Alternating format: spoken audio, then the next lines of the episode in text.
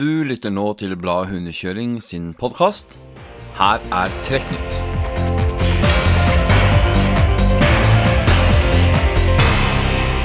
Hei og hjertelig velkommen skal du være til en ny utgave av Trekknytt. Denne gangen er det altså episode 11. Knut Sandersen heter jeg og skal være deres vert gjennom sendingen. Og vi skal snakke med tre interessante gjester. Jo Jøldal skal uh, komme innom og fortelle litt om hvordan han mentalt jobber med seg selv og hundene når han vet at han ligger sist, slik han gjorde under femmerløpet 600.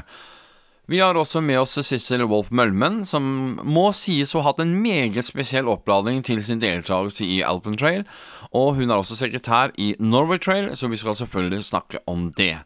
Til slutt så har vi med den første av fire presentasjoner av våre kjørere som skal delta i Iditarod. Denne gangen er det Magnus Kaltenborn som er vår gjest. Og med det så ønsker jeg deg altså da hjertelig velkommen til en forhåpentligvis interessant stund sammen med oss her. Før vi slipper til gjestene, så har jeg lyst til å informere dere om at dere kan følge oss på SoundCloud og på iTunes. Det er helt gratis. Og der kan dere også faktisk abonnere på sendingene, slik at når vi da kommer ut med en ny sending, så får du automatisk et varsel om at det, det ligger en rykende fersk sending og venter på deg. Selvfølgelig oppfordrer jeg også alle til å abonnere på bladet Hundekjøring, og det kan dere gjøre ved å gå inn på hundekjoring.no. Da kan dere velge om dere vil abonnere både på nettutgaven og på magasinet, eller en av delene. Det er helt opp til dere. Og er du litt usikker, så kan du faktisk også velge å ta et månedsabonnement, så kan du teste oss ut på den måten. Da er vi klar for å slippe inn gjestene.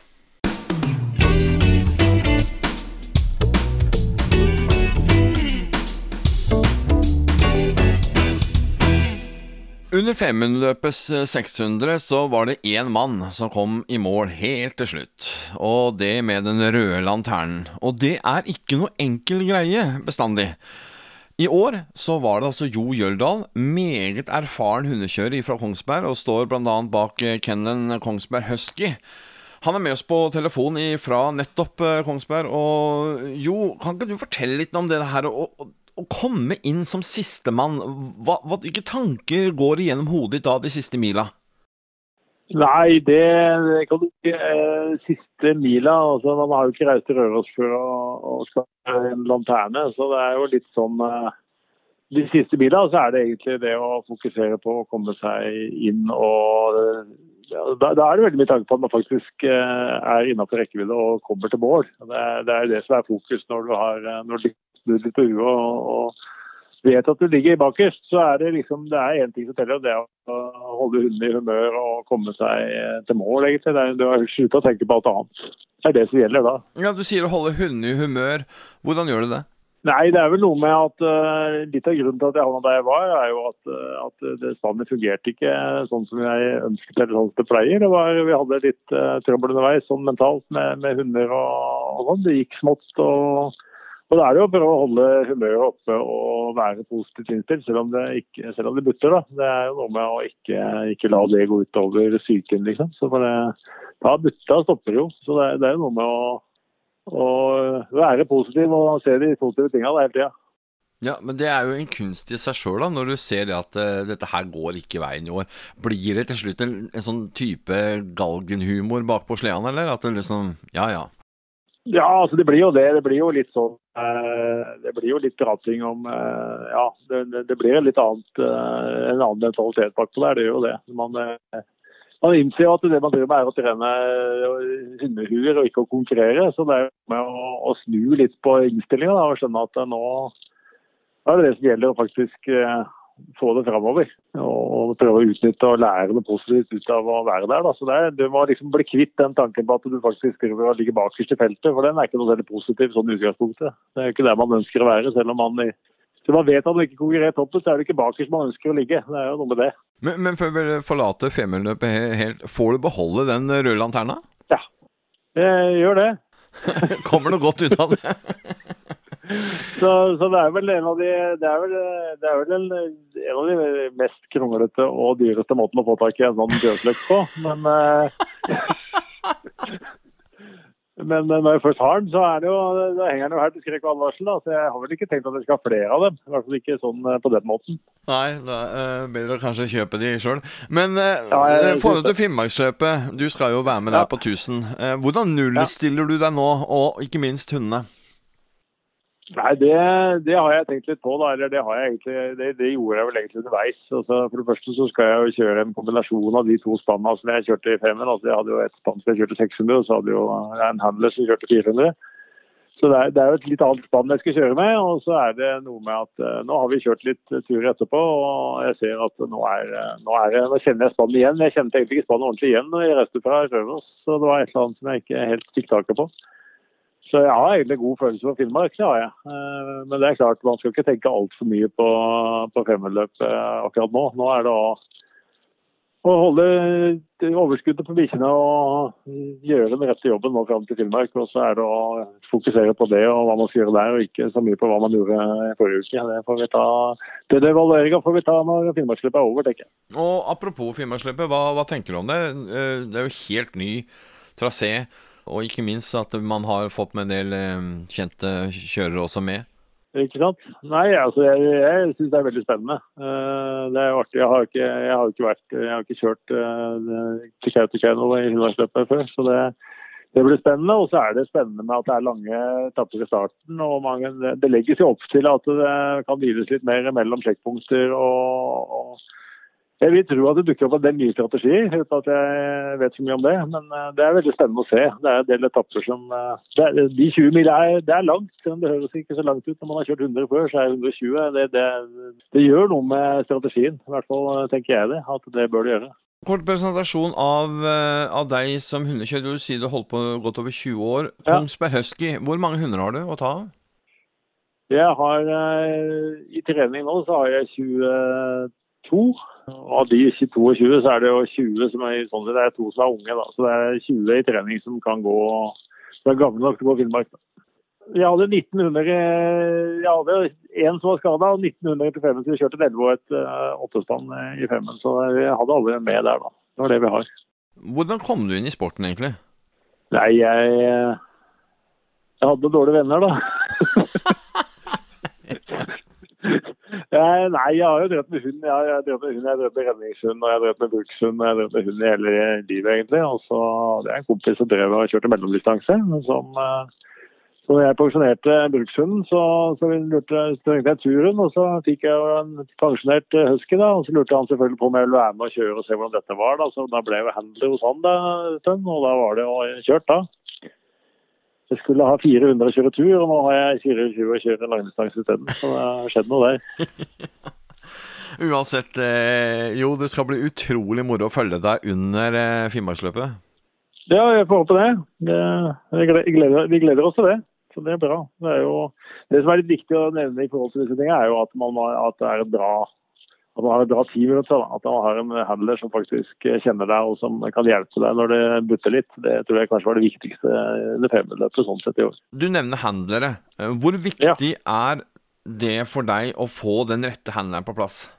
Nei, Det er alfa og omega, det. Det er uh, sånn som jeg har det. Altså, jeg har uh, Både på løp og ellers i sesongen så har jeg, jeg har full jobb jobber jo, jobber jo fullt hver dag. Pendler til Oslo. Eh, så jeg er jo åtte-ti timer borte hver dag. Så jeg er helt avhengig av å ha hjelp for å kunne få dette til å gå i det hele tatt. Så, så, det er viktig for meg å ha en god handler på plass som kan hjelpe meg å trene og hjelpe til daglig, liksom. Og så er det jeg har vært heldig nå, hatt den samme handleren på, på løp nå i fire Det er femte nå, så vi kjenner hverandre godt. og vet hvordan vi skal Vi funker godt som et team, da, og det tror jeg er veldig viktig. Både når det går bra, og særlig når det butter litt og du tenker å spare med, så er det viktig at du har en du stoler på som faktisk eh, hjelper deg fram. da, er tilstilt. Det, det, tror jeg er noe av det viktigste som er til den jobben du selvfølgelig må gjøre sjøl. Ja, og den handelen du kanskje snakker om nå, det er Bjørn Tonehaugen, ikke sant? Det er helt riktig. Han, eh, han var vel nøkkel til at vi kom oss gjennom. Så det, var det viktig at han at han var til stede og støtta opp. Ja, det var en veldig viktig brikke. Og han blir med til Finnmark også? Han blir med til Finnmark. Hvis jeg ber deg om et råtips, hvem tror du vinner Finnmarksløpet i år? Bortsett fra deg sjøl, selv, selvfølgelig. Bortsett fra meg. Nei, det, det feltet i år, det er det vanskelig å tippe i, syns jeg. da. Eh, vanskelig å si. Vi har jo en bergenser som kan være skummel, tenker jeg. Eh, Ralfen. Men ellers så Nei, jeg syns det er åpent. Det er veldig åpent. hva Dallas, finner, hva Dallas finner på, det vet vi jo ikke ennå. Han har jo ikke kjørt løpet før, så han har vel et lite handikap der. Men uh, han, han, skal vel regnes med, tenker jeg. Da krysser vi fingrene, Jo. Takk for det.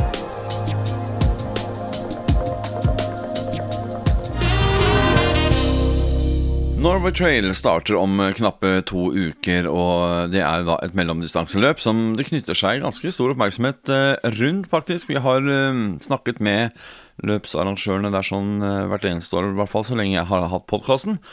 Da skal vi snakke med Sissel Wolf Møllemen. Hun er sekretær i eh, organisasjonen og skal faktisk også kjøre sjøl i år. Eh, velkommen skal du være, Sissel. Takk, takk. Du har vært litt aktiv du, og kjørt løp sjøl. Før vi liksom går i gang med Sherwin North Trail, så vet jeg at du har vært på Alpen Trail. Åssen var det? Alpen Trail var en helt ny opplevelse. Det var et krevende løp. I år var det kun tre dager. Det bruker å være en hel uke, også på tre forskjellige steder. Men i år har de korta det litt ned.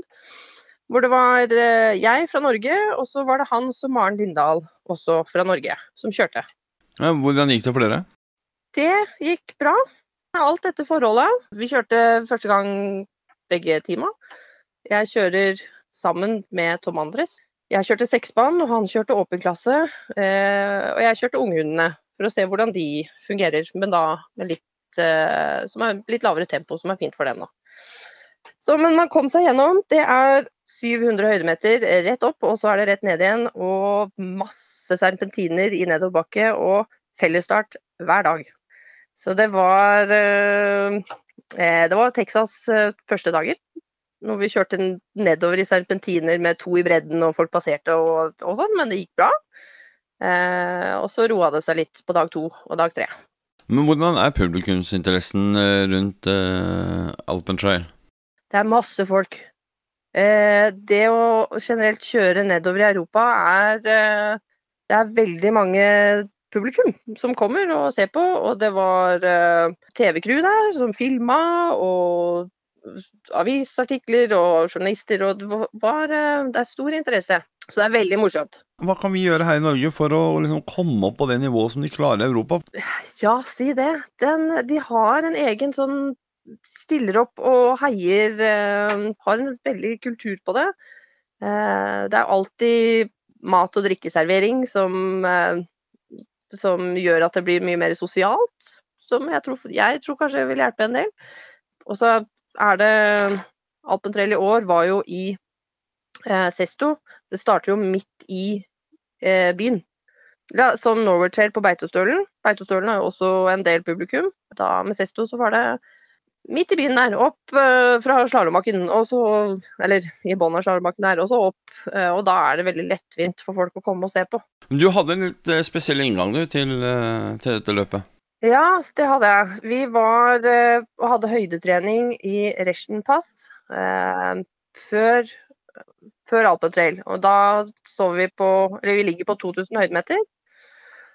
Og så trener vi opp til 2003 ish. Men det går sånn opp og ned, og det er kjempegod trening for hundene. Som var fantastisk. Men helt til det kom veldig mye snø. Og da på lørdagen før Alpentrail skulle starte på torsdag, så begynte det å gå snøras. Og de gikk rest, nesten i huet på oss. Eh, og vi fikk beskjed om at vi måtte bare holde oss ved bilene, for akkurat ved bilen, der var vi trygge. Men ellers så gikk det snøras til høyre og til venstre og på andre siden av dalen. Og det var, det var rett og slett ubehagelig. Det var kjempe det var, vi var aldri sikre på at eh, vi ikke fikk snøras over oss. Og det er litt større stressmoment enn det jeg kunne forestille meg. Men Hvor lang tid tok det før liksom det ble klart at, eh, at det var trygt for dere? Ja, det var det. Vi eh, kjørte De snørasa begynte på lørdag, og så slutta det vel på tirsdagen. Da tror jeg det siste gikk. Eh, og da hadde de også sprengt ned en del snø. Og da klarte de, og vi var helt øverst i den dalen, og da klarte de å åpne veien onsdag kveld. Og da, onsdag natt, da samla vi oss, eh, vi sju hundekjørere som lå der, og bare starta bilene og begynte å kjøre. Og så ble vi stoppa etter 300 meter, og da sa det italienske militæret at dere får ikke lov til å kjøre, for det er farlig. Men så var vi så mange og så store, så da kjørte vi på egen risiko ned og kjørte hele natten til Sesto. Var i Sesto klokka to og sto på startstreken med fellesstart klokka ni på torsdag. Så det var to timer søvn, og hundene hadde rista rundt i kassa hele natta. og litt sånn Det, det var, var, ikke den mest ideelle oppladningen, men uh, vi klarte oss. Vi kom oss igjennom. Uh, vi går over til Norway Trail. Det ble tidlig klart at det var fullt på antall plasser. Dere har du 40 plasser, er ikke det det har? Vi har egentlig 40 plasser, men på bare noen få dager så hadde vi jo 45 i starten. Hvor vi tenker jo at det er noe som bryter, det, eller som ikke kommer. Sånn er det jo med hundekjøring, at ting skjer. Og nå er vi nede på 40 eh, deltakere, og det er rekord. Vi har tidligere har vært 36 er det høyeste antall. Nå er vi 40, og det er 12 duoer. Det vil da si to stykker som kjører sammen. Du sier at det er ny rekord. Eh, er dere kommet på et nivå som dere er fornøyd med, eller er dere fortsatt åpne for at du kan ta enda flere spann igjen? Problemet er parkeringa, rett og slett. Eh, vi kunne gjerne tatt så mange vi, som hadde lyst, men parkeringsplassen på Lenningen er begrensa, så vi har ikke plass til noe flere enn 40. Vi hadde kanskje klemt inn 45 hvis vi måtte, men 40 er, det holder. Det som også er litt interessant akkurat med Norwich, er at dere har veldig masse folk fra utlandet. Hva er det som gjør at dette løpet her er så populært, eh, spesielt blant uh, tyskere? Eh, Norway Trail er jo barnet fra Alpentrail. Eh, Marte Heilemann kjørte Alpentrail og ville starte det samme i Norge. Og da er mange tyskere og eh, alle nedover i Europa kjenner til Alpentrail veldig godt.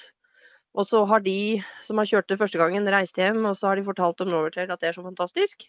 Eh, og så har det bare balla seg på. Så vi har jo fra mange Vi har jo halvparten er vel fra utlandet nå. Hvis jeg har ikke helt tallene, men det er ca. halvparten.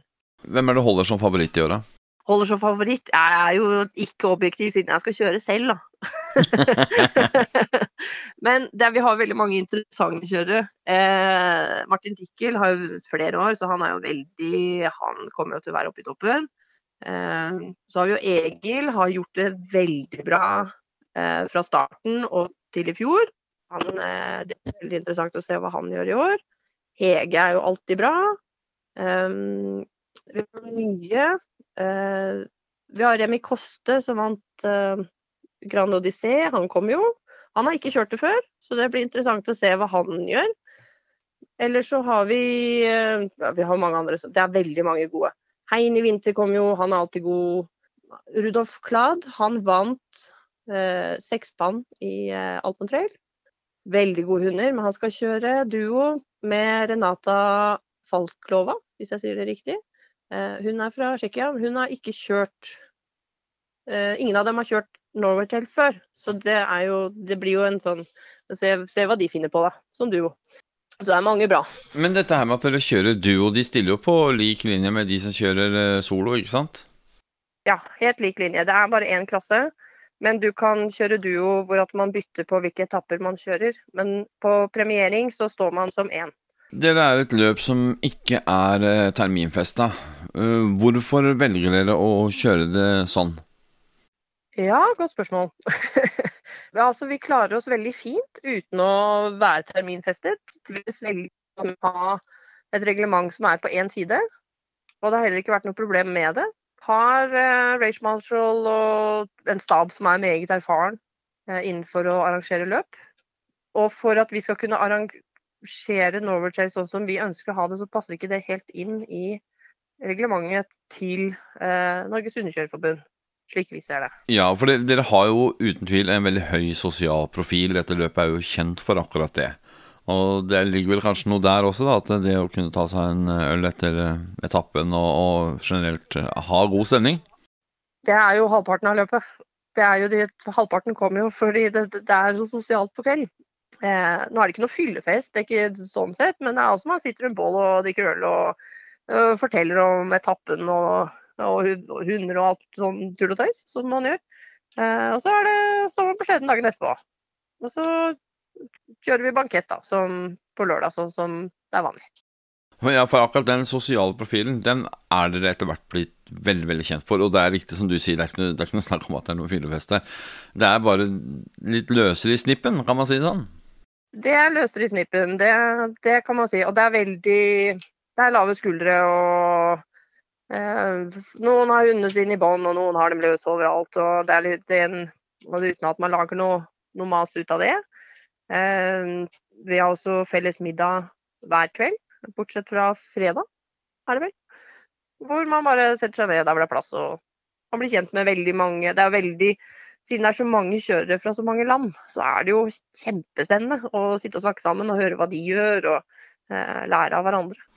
Ja, Føler du at et, et sånt arrangement som nettopp Norway Trail eh, også bidrar til at eh, skillene mellom løperne mellom de forskjellige landene blir eh, langt, langt mindre?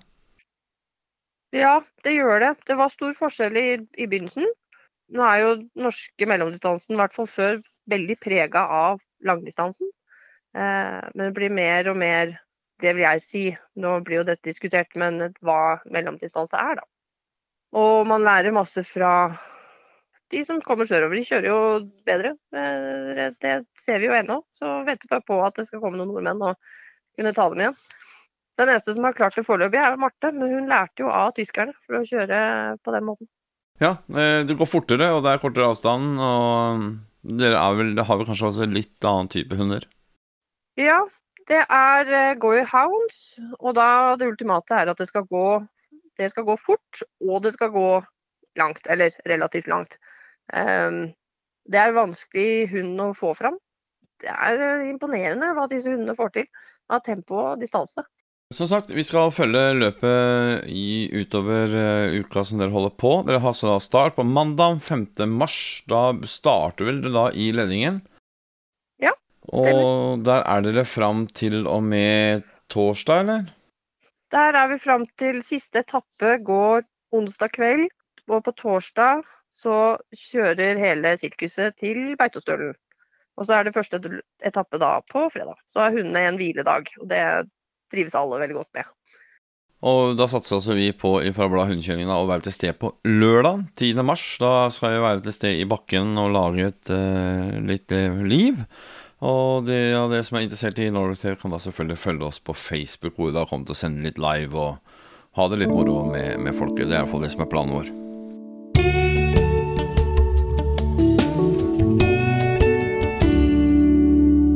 Nå skal vi over til Iditarod og en av de som er med, er Magnus Kaltenborn. Han har vært med før, i 2011, eh, men stiller da nå på startstreken.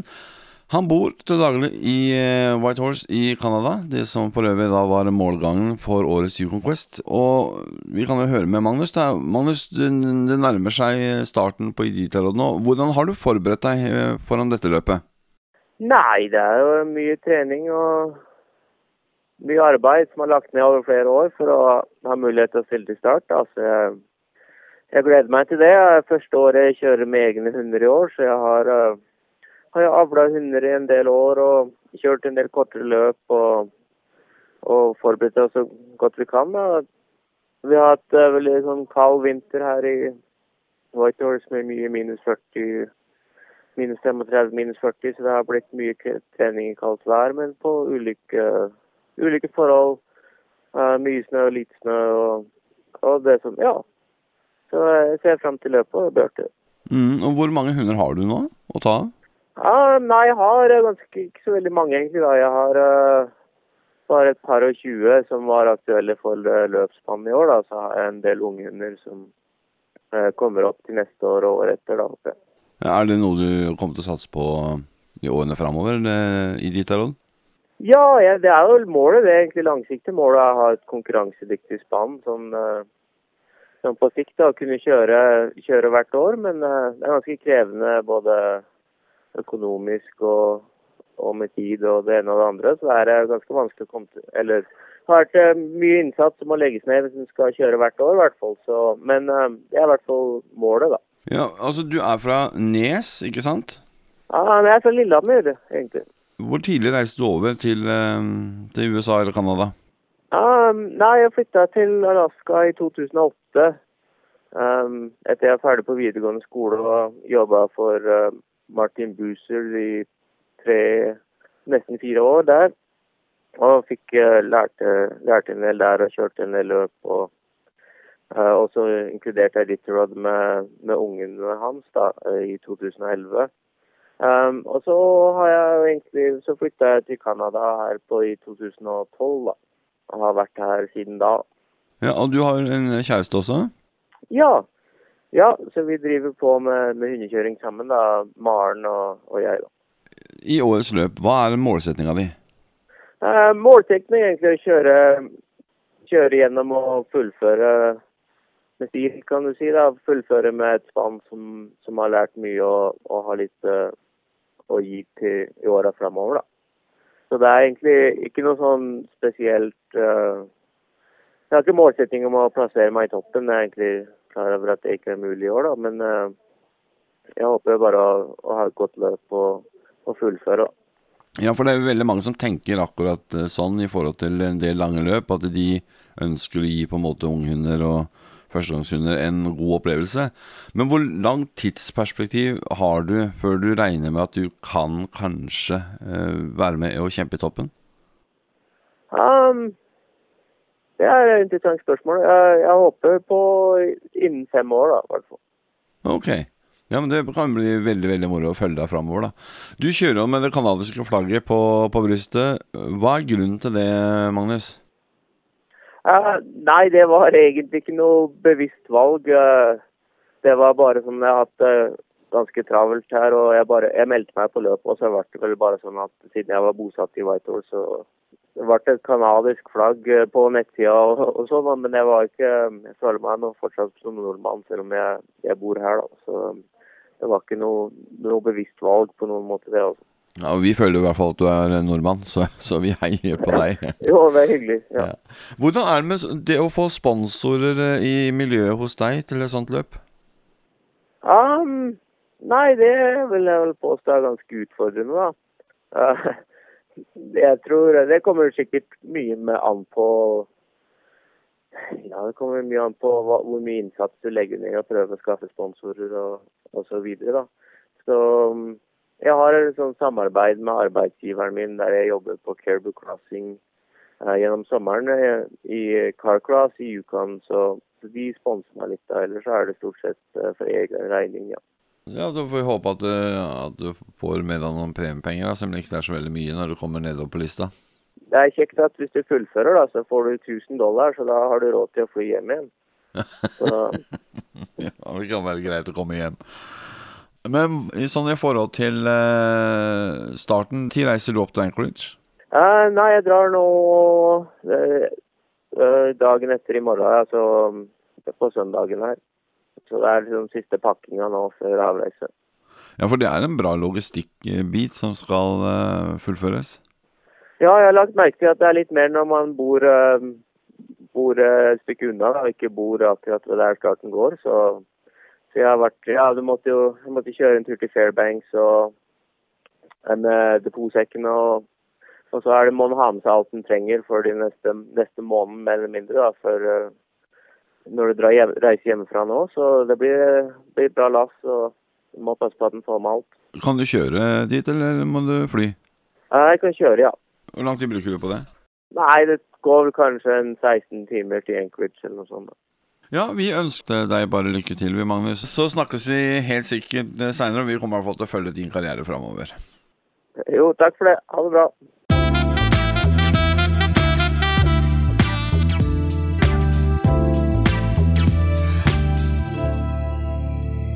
Før vi runder helt av, så skal jeg minne om at det er flere løp som eh, går av stabelen denne helgen her sånn. Ikke minst er det EM i Italia for eh, sprint.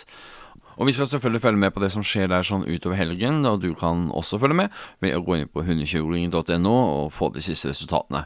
Vi satser også da på å få et intervju med noen som har vært med da i neste sending. Det går også et løp i Sverige. Amundsen Race er det flere som har eh, meldt seg på. Av de norske så ser jeg at Yngve Oppegård har meldt seg på, og Inge Bugge Knutsen. Det skal bli spennende å se hva som skjer med de. Og så nærmer det seg selvfølgelig da med stormskritt eh, starten på eh, Norway Trail, som starter 4. mars. Og vi har uh, Polar Distance som går i Sverige 6. mars, og Finnmarksløpet selvfølgelig med start 9. mars. Og det samme helga går også Vikefjelløpet. Men så må vi da heller ikke glemme at vi har da selvfølgelig starten på Iditarod 4. mars. Så det er nok å følge med på for de som er table-mushere. Da får du bare ta vare på deg sjøl og ta vare på hverandre, så høres vi veldig, veldig snart igjen. Hei så lenge.